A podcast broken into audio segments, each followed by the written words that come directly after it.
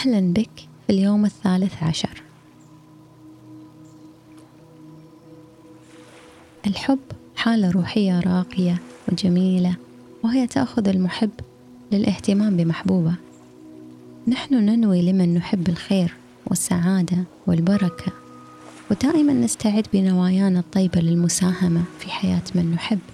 لكن ما قد يحصل أحيانا لدى البعض أنه يفقد اتزانه في الحب.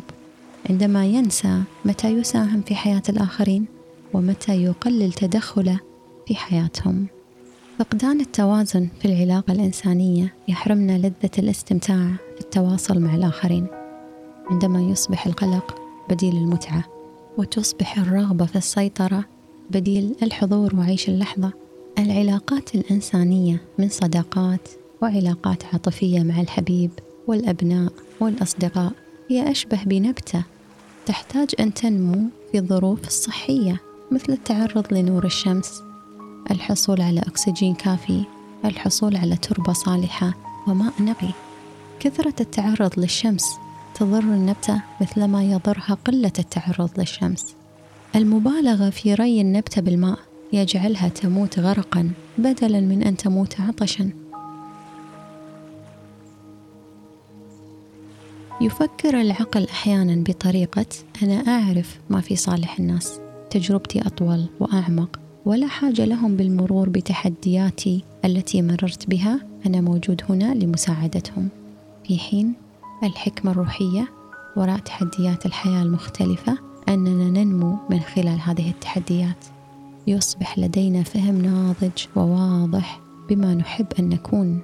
ولو أن من يحبنا حاول دائما أن يحمينا من تحديات الحياة لما تمكنا من الوصول إلى النضج النفسي والفكري والاتساع الروحي الذي نحن اليوم عليه.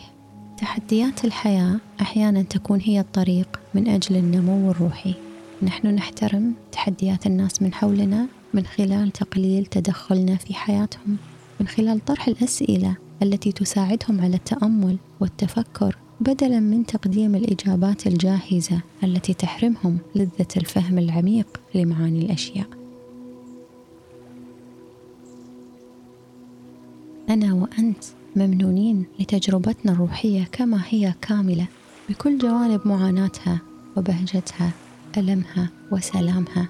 نحن نقدر كل محطة من هذه المحطات ونحن كذلك نحترم حق الآخرين. في اختيار طريقهم الخاص في نموهم الروحي. أنا وأنت موجودين مع وحول من نحب. نعلن لهم صراحة أننا حاضرين بقلوبنا وأرواحنا في حال احتاجوا لمساعدة أو رأي أو مجرد طبطبة ومواساة لهم. في الوقت ذاته نعطيهم مساحتهم الخاصة في التجربة والاختيار والوقوع في الصواب والخطأ.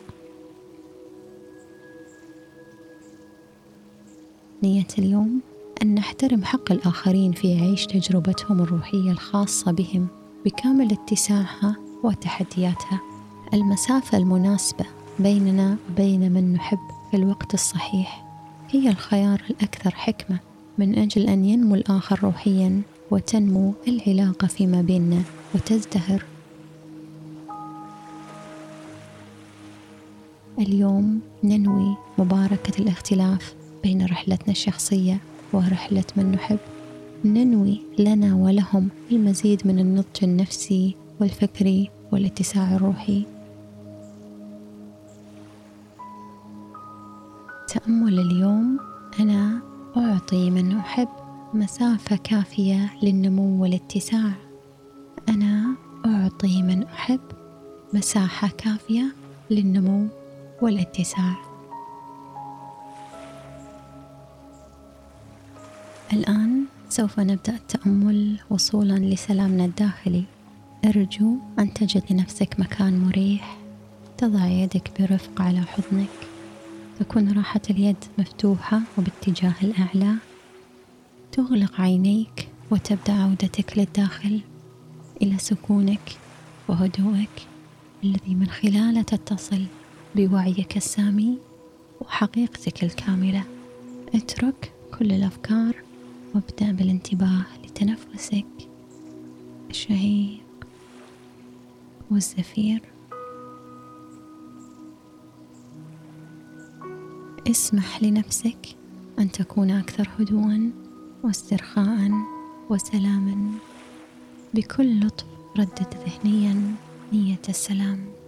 أنا أعطي من أحب مساحة كافية للنمو والاتساع.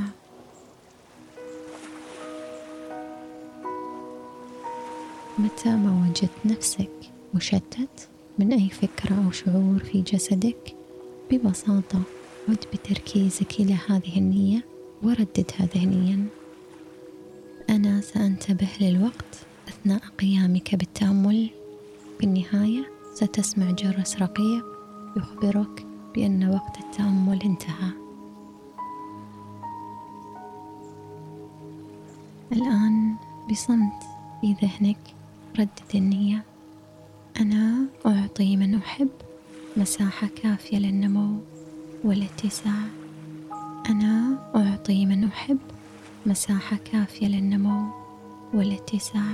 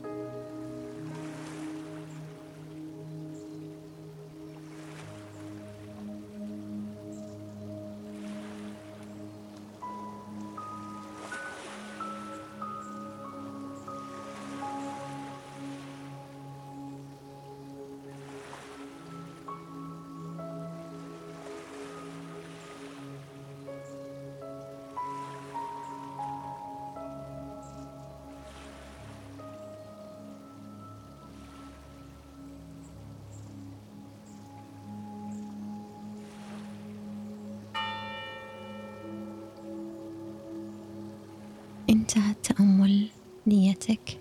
بدأت في العمل من أجلك. عد بوعيك إلى جسدك. خذ دقيقة لترتاح. نفس عميق شهيق وزفير. عندما تشعر أنك مستعد بهدوء ورفق افتح عينيك. وأنت تمضي في يومك أحمل هذه النية معك. ذكر نفسك. أنا أعطي من أحب مساحة كافية للنمو والاتساع.